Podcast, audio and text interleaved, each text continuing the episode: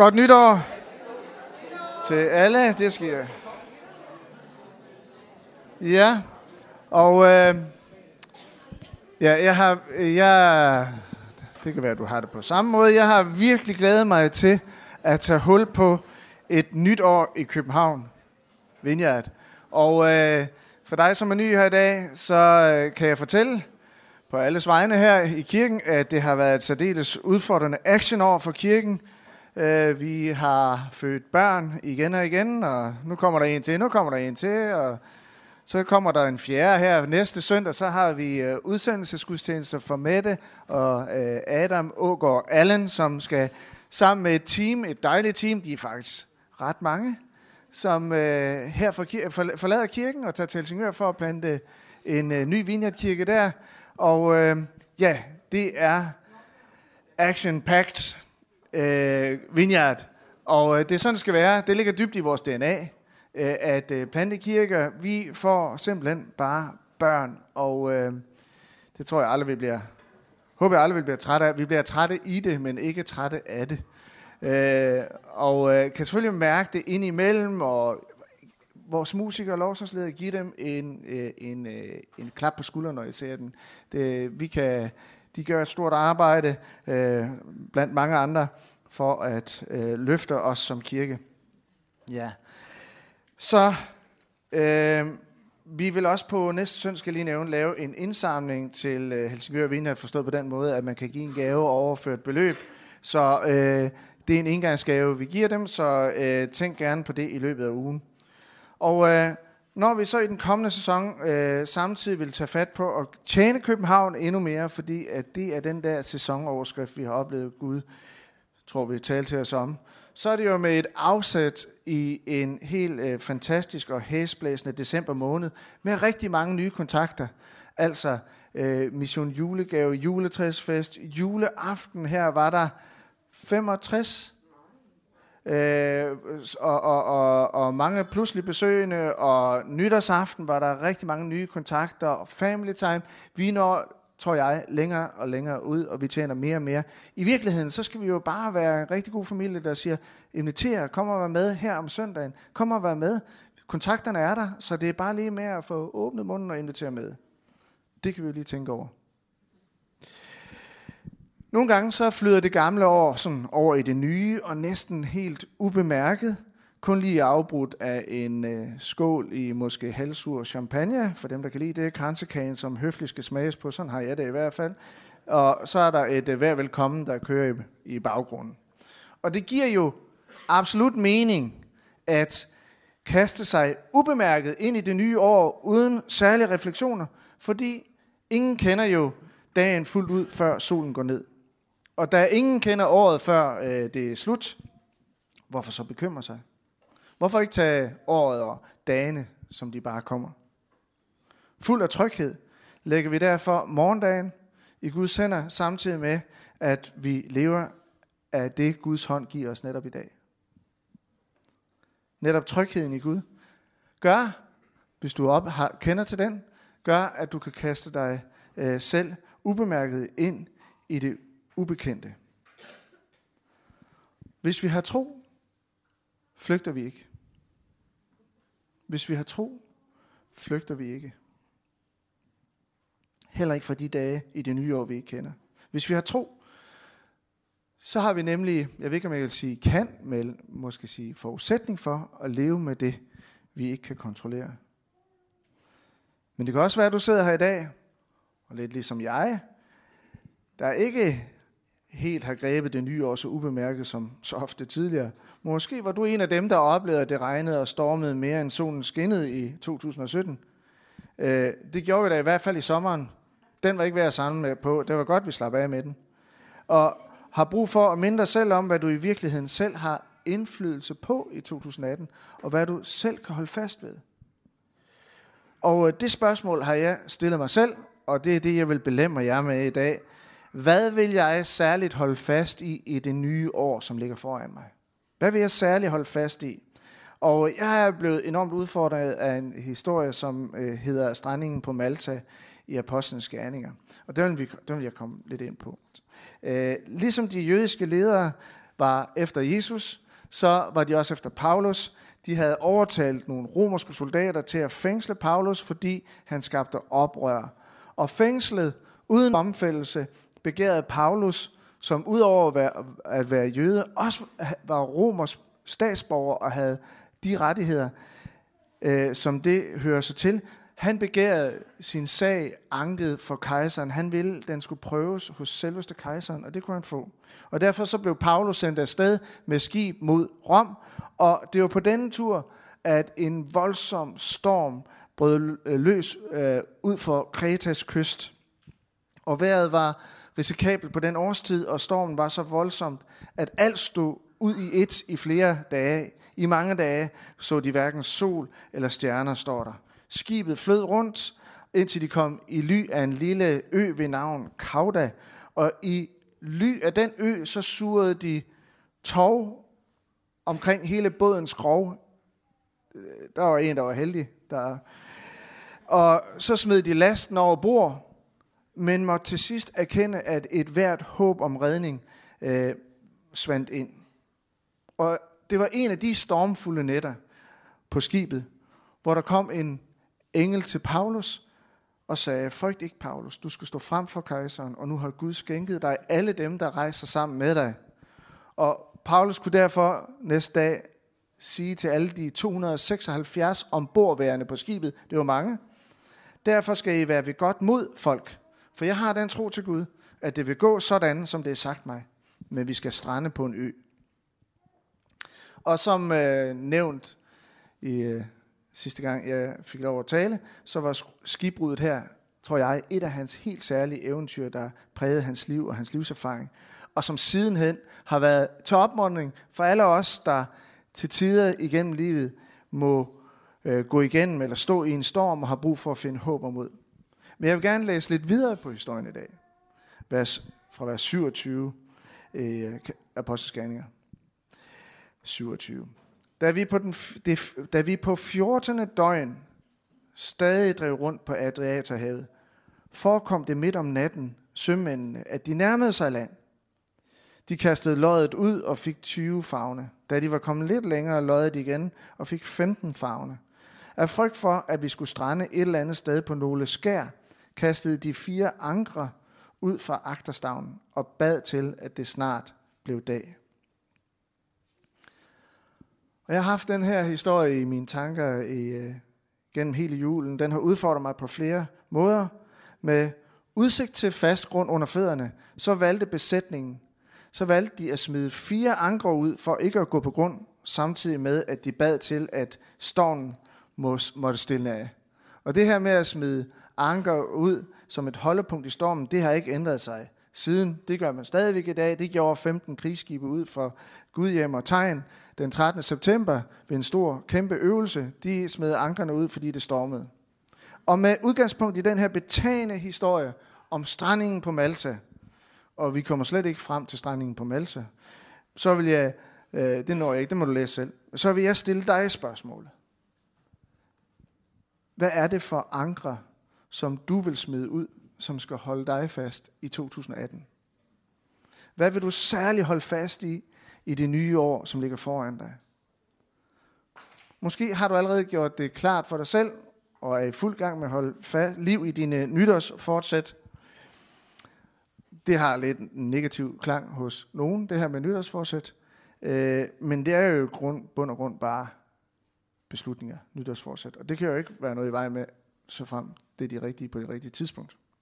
Her er så min bud på fire fortsæt for 2018, som jeg så vil belemme dig med.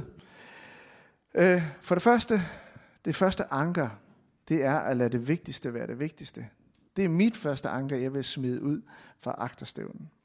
Sejler vi ud i solskin på øh, spejlblankt hav, så tænker vi ikke altid over, at vi behøver prioritere. Men måske er det ikke kun i stormen, at det vigtigste er at lade det vigtigste blive det vigtigste. De fleste oplever, at vi i vores travlhed meget let kan miste overblikket, og vi har en tendens til at blive prioriteringsblinde. Så hvad skal være dine prioriteringer dine vigtigste prioriteringer i 2018? Du kan jo prøve at spørge dig selv, om du husker at se din gode ven i øjnene.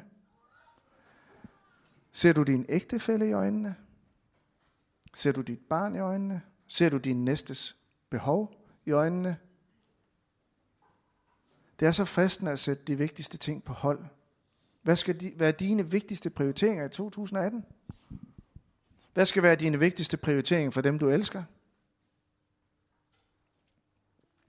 Hvad skal være dine vigtigste prioriteringer for dem, du møder på din vej, som har brug for din kærlighed? Jesus han har det jo med at gøre tingene enkle og svære. Jesus har et bud på, hvordan du lader det vigtigste være det vigtigste i 2018. At elske Gud og elske mennesker. Men hvad betyder det for dine prioriteringer? Dronning Margrethe, jeg hørte ikke det hele, men der var noget med, at hun opfordrede os til at lave unyttige ting. Ikke? Og det kan jo være en absolut vigtig prioritering. Det vil jeg sige. Men for andre, der kan det være at lave noget nyttigt. Som for eksempel at være mere for de næste, der behøver din næste kærlighed. Det kan være, at du skulle lytte bedre til nogen, som står midt i en storm. Det kan være, at du skal give nogen en gave. Det kan være, at du har indrettet dit øh, budget sådan, at hvert år, så er der lige plads til, at du kan give nogen en særlig gave, som Gud måtte lede dig til. Det kan være, at du vil sige et venligt ord til nogen, eller simpelthen bare give et par timers praktisk hjælp. Altså ikke det der med, du må sige til, hvis der er noget, vi kan hjælpe med. Måske bedud med at sige, jeg kommer på lørdag fra kl. 13 til 16, og så hjælper jeg med det, du har brug for. Måske er det vigtigste at give Gud ære for det, alt det fantastiske, du oplever i livet. Måske er det at give Gud ære på trods af de vanskeligheder, du har oplevet i livet, en vigtig prioritering. For mig, udover at elske Gud og tjene min næste, er det vigtigste for mig i, i 2018 at leve i tro. At tro på, at Gud han er i kontrol. At tro på, at Gud han har en plan. At tro på, at Gud han bryder ind med mirakler. At tro på, at Gud han kæmper for os. For mig er dette at lade det vigtigste være det vigtigste i 2018, og det anker, det vi har kastet ud på min rejse. Besætningen ombord på skibet mod Rom kastede al overflødig gods over bord og skilte sig af med den dødvægt, der kunne ødelægge deres rejse, som kunne trække skibet ned. Så trak de et ræb rundt om hele båden, for at skroget ikke skulle slås i tu af bølgerne. De forstod, at de måtte også slippe noget af det, som var vigtigt for dem, for at lade det vigtigste være det vigtigste. Der kan være, at det er noget, du skal slippe. Der kan være, at der er noget, du skal ændre på. De måtte sikre det, der skulle bære dem frem på rejsen. Hvad skal du slippe? Hvad skal du sikre? Lad det vigtigste være det vigtigste. Det er mit første anker. Det andet anker, det er at være tilfreds. I sommer, så kom der en nær ven til Anna og jeg, og sagde lidt for lejent, at Gud havde simpelthen fortalt ham, at han skulle give os et brød og en flaske vin. Og det var en Amarone, tror jeg det var. Altså det var meget godt. Og det takker vi ham for, og sagde, at det er for Gud, absolut. og øh, så, øh, så skar vi, øh, vi skar brødet op og lagde det i fryseren i små stumper, og så har vi øh, mange aftener taget lidt af det brød op, og så har vi faret nadver med hinanden derhjemme.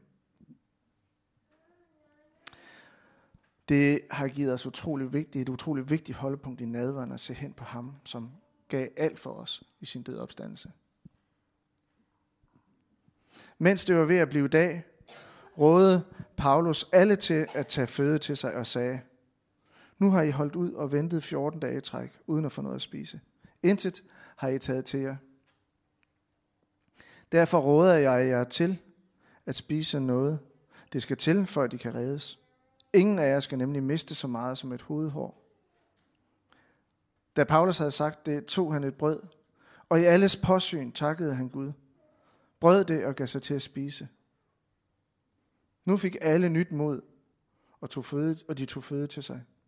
Vi var i alt 276 mennesker ombord. Da de havde spist sig mætte, kastede de vedlasten i havet for at lette skibet. Hvilket gribende scenarie. Midt i stormen, med bølgerne væltende ind over båden. Modet er svundet ind. Himmel og hav står i et. Der, midt i det hele, så vælger Paulus i alles påsyn at bryde brødet og takke Gud.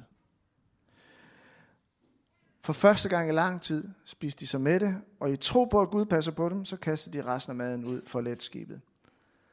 Og historien den fortæller mig, at når det stormer, så skal vi også holde nadver. Når det stormer, så skal vi sige tak. At sige tak, det leder til tilfredshed. Det går forud for tilfredshed.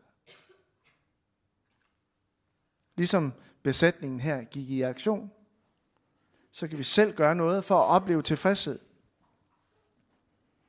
Hvis man vil reddes, så skal man nogle gange foretage livsbekræftende handlinger, akkurat som besætningen begyndte at spise. Paulus sagde, at det skal til, for at I kan reddes, sagde han. Man skal gøre noget. Nogle gange. Nogle gange. Tilfredshed, det, det handler ikke om, det handler ikke kun om, at din situation skal forbedres, men det handler om, at du har, tilfredshed kan også handle om, at du har fred med der, hvor du befinder dig, netop i din periode lige nu i dit liv. Og vi længes efter skønhed, vi længes efter bekvemmelighed, vi længes efter uafhængighed. Jeg møder mennesker sådan på, øh, på, øh, på vores alder, som øh, altså deres største mål, det er simpelthen at få opnået så meget friværdi, så de kan sidde gældfri, når de bliver, skal gå på efterløn. Jeg har nogle andre mål. Det kan da ikke være det største. Hva? Nogen, e- øh, nogen efterlyser balance i, hverdag, øh, i hverdagen, og, og listen kan lang, være lang efter det, vi ønsker os. Altså, det er jo fint at gøre op med gæld. Det er ikke det, jeg siger. Jeg siger ikke, Gud har lavet en masse gæld, men jeg siger, øh, den der uafhængige er fuldstændig urørlig og alt sådan noget. Det, det kan være, der er, der kan være, der er noget andet, man skulle satse på. Jeg ved ikke, hvad jeg har rodet mig ud i. Men det må du komme og fortælle mig bagefter. Men det kan altså være øh, svært i et samfund, når vi har en tilbøjelighed til, øh, tilbøjelighed til at forvente, at vi kan få alt, når vi vil det. Og, og vi kan miste tilfredsheden, til, tilfredsheden, når vi begærer det, vi ikke har. Og opnår vi det, ikke det vi begærer, så reduceres tilfredsheden, fordi vi lever i en kultur, som for, konstant fortæller os, vi har nogle rettigheder, vi har selvbestemmelse, og vi skal have fremgang. Og Bibelen har altså et bud på, hvordan du og jeg kan være tilfredse, selvom vi ikke vinder nogen skønhedskonkurrence. Selvom, selvom du, måske, du måske ikke er kommet, sådan helt, kommet lidt skævt ind på velfærdsbølgen i vores samfund. Altså hvis man har tag over, over hovedet og mad på bordet, så er man vist nok rigere end de fleste. Selvom spejlet fortæller dig, at det kunne da godt gøres lidt anderledes. Selvom din begævelse overgår dit arbejde, og selvom der var noget i dit liv, der slet ikke gik, som det skulle. Bibelen har en hel del at sige om tilfredshed. At finde hvile i, hvad vi har, hvem vi er, og hvor vi er på vej hen. Jesus siger, derfor siger jeg, vær ikke bekymret for jeres liv, hvordan I får noget at spise og drikke, eller for hvordan I får tøj på kroppen. Er livet ikke mere end maden, og lægemet mere end klæderne? Se himlens fugle. De sår ikke og høster ikke og samler ikke i lade, og jeres himmelske far giver den føden. Er I ikke langt mere værd end de? Hvem af jer kan lægge en dag til sit liv ved at bekymre sig? Så kast dig bare ubemærket ind i nye år, hvis du har tro. Tag en dag ad gangen, for Gud han er med. Men søg først Guds rige og hans retfærdighed. Så skal alt det andet, andet alt det andet, altså det vigtige, give sig i tilgift. Så vær da ikke bekymret for dagen i morgen. Dagen i morgen, skal bekymre sig for det, der hører den til. Hver dag har nok i sin plage. Og Jesus han sagde det her til nogen, der ligner os, som havde mange andre, som de også kunne sammenligne sig med. Det har vi jo en tendens til. Og budskabet det er enkelt. Lad være med at bekymre dig, og vær tilfreds med, at din far i himlen vil tage sig af dig. Og når du søger ham frem for så meget andet, så vil du opleve, at alt det vigtige vil give dig, gives dig oveni Eller, hvis du tager det helt ordret, alt det andet gives jer tilgift. Og han sammenligner os med fuglene. Og så jeg har taget et, et billede af en lille fugl med. Det, jeg tænker nok, det er sådan lidt pjævset at vise et billede af en fugl. Men nu er den her. Og det er jo fordi, jeg kom bare til at tænke på det her med fugle. Jeg har nemlig været på en fugleudstilling i Skagen. Eller det grå fyr, der er det lavet til sådan. Jeg interesserer mig ikke normalt for fugle. Men jeg kan godt se det spændende. Men sådan en lille fætter der, han er altså faret vild. Han øh, kommer fra Kina eller fra Rusland, og han er faret vild. Man skulle da mene, at den havde noget at bekymre sig om. Så når Jesus han, han øh, siger, at, at øh, fuglene, så tænker man bare, det er bare sådan noget, der piper, ikke? eller en zebrafinke, eller et eller andet, de piper. Men de har altså en plan også. De har der i allerhøjeste grad noget at bekymre sig om. Pointen er bare, at det bekymrer sig ikke. Så det Jesus egentlig vil sige til dig, det er ikke, Nå, ja, men du har da selvfølgelig grund til at bekymre dig. Ja, det kan man da godt mene. Men lad være, siger Jesus. Lad være. Fuglen har noget at bekymre sig for, i den grad. En sommerfugl, de trækker dig helt til, syd, til, til Afrika, gør det ikke? Det er dig, der er den klogere end ja. Skulle man sige, vi tager lige til Afrika. Øh, og er sommerfugl. Nå. Øh, så han tager sig af, når han tager sig af dem, de her fugle og alt muligt andet, hvorfor så ikke endnu mere dig? Og derfor, kast tilfredshedens anker ud i både sol og storm. Og det er da netop den livserfaring, Paulus han trækker på, når han siger, Glæd jer altid i Herren. Jeg siger, jeg er der. Glæd jer. Lad jeres mildhed blive kendt af alle mennesker. Herren er nær. Vær ikke bekymret for noget, men bring i alle forhold jeres ønsker frem for Gud i bøn og påkaldelse med tak. Og Guds fred, som overgår al forstand, vil bevare jeres hjerter og tanker i Kristus Jesus. Paulus han siger ikke tak for alt. Paulus han siger tak i alt. Og at takke i alt, det er at invitere Gud ind i sol og i storm. Tænk, hvis du hver dag kun tænkte på i morgen, og der, derfor missede det gode, som netop venter dig i dag. Faktisk så består tilfredshed af en lang række i dag, og ikke en masse i morgen. Hvad kan du sige tak for i dag? En god ven, solskin, storm, eller bare en god kop kaffe.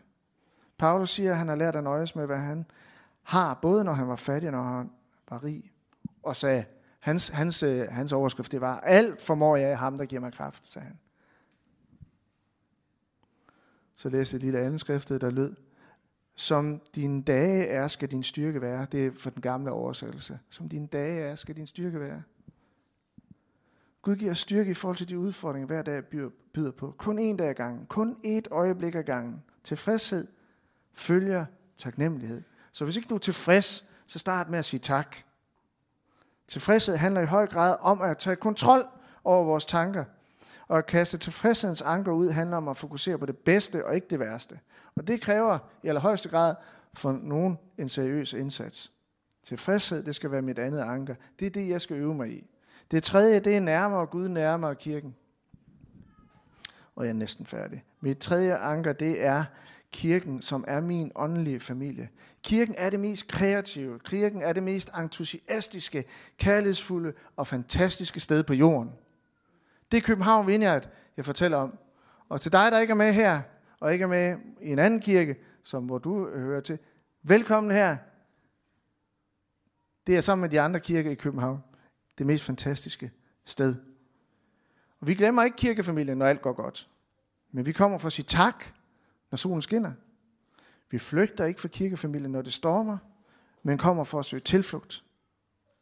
Kirkefamilie, det skal være Guds bedste eksempel på hans rige på jord. Og det er netop i kirken, jeg skal kaste mit anker, kirken som er Kristus. Jeg kommer ikke bare ind imellem for at hilse på. Jeg kommer heller ikke, fordi nu er jeg lige så heldig, at jeg har et drømmejob. Øh, at være præst i kirken. Jeg kommer, fordi det er min åndelige familie. Og det har jeg altid gjort hele mit liv i de kirker, hvor jeg har været. Her henter jeg støtte, jeg henter vejledning, trøst og fællesskab på gode og på dårlige dage. København Wiener, det er ikke bare et lokale, jeg besøger nogle timer om ugen, men det er dit hjem, hvor hvor jeg møder virkelige mennesker med virkelige glæder og med virkelige problemer, og som oplever virkelig hjælp, når vi beder til en virkelig Gud. Det sidste anker, som jeg slet ikke kan nå at sige mere om, det er at have mod. Om ikke at give op. Om ikke at give op. Og jeg vil spørge dig, hvad er det for anker, du skal kaste ud i dit liv? Da vi stod her og sang lovsang, så blev jeg mindet om den historie fra Bibelen, om de fire, om, der er en historie i Bibelen om de, den bedste netværksgruppe. Der er i, I Bibelen, altså dengang.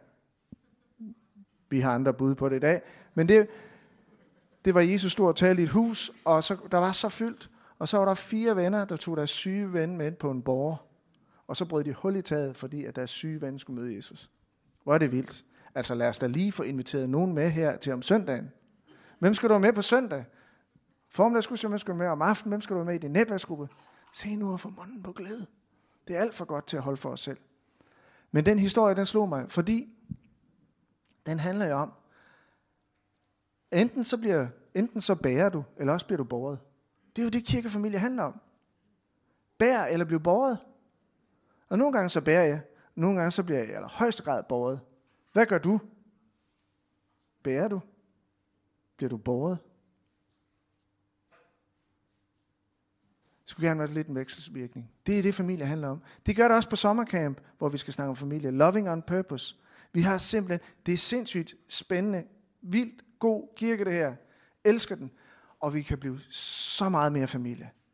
Og det skal vi finde ud af sammen. Ved I hvad der er svært? Det er svært nogle gange bare at lade sig elske. Det er svært at være åbne sig. Man tænker, hvor, jeg gider ikke belemme andre med, hvordan jeg har det, men gør det, belemme andre, bryd ind med, hvordan du har det, så de kan få lov at bære dig. Måske er det det, du skal udfordre os af. Måske er det et af dine fortsætter. Det er et anker, du skal... Jeg tør at være åben, jeg tør at fortælle, hvordan jeg har det. Jeg tør at blive båret.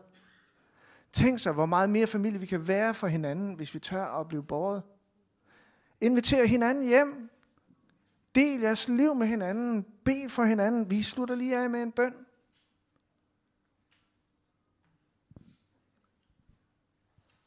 Bær eller bliv båret. Det er det, kirkefamilie handler om. Og hvis du vil nærmere Gud, så er det nærmere kirkefamilien. Det er sådan, det hænger sammen. Sådan er det forordnet. Sådan har vor Herre indstiftet kirken. Det er hans lame. Det er der, jeg er. Og det er der, jeg udgår fra. Nærmere Gud, nærmere kirken. Måske var det et anker.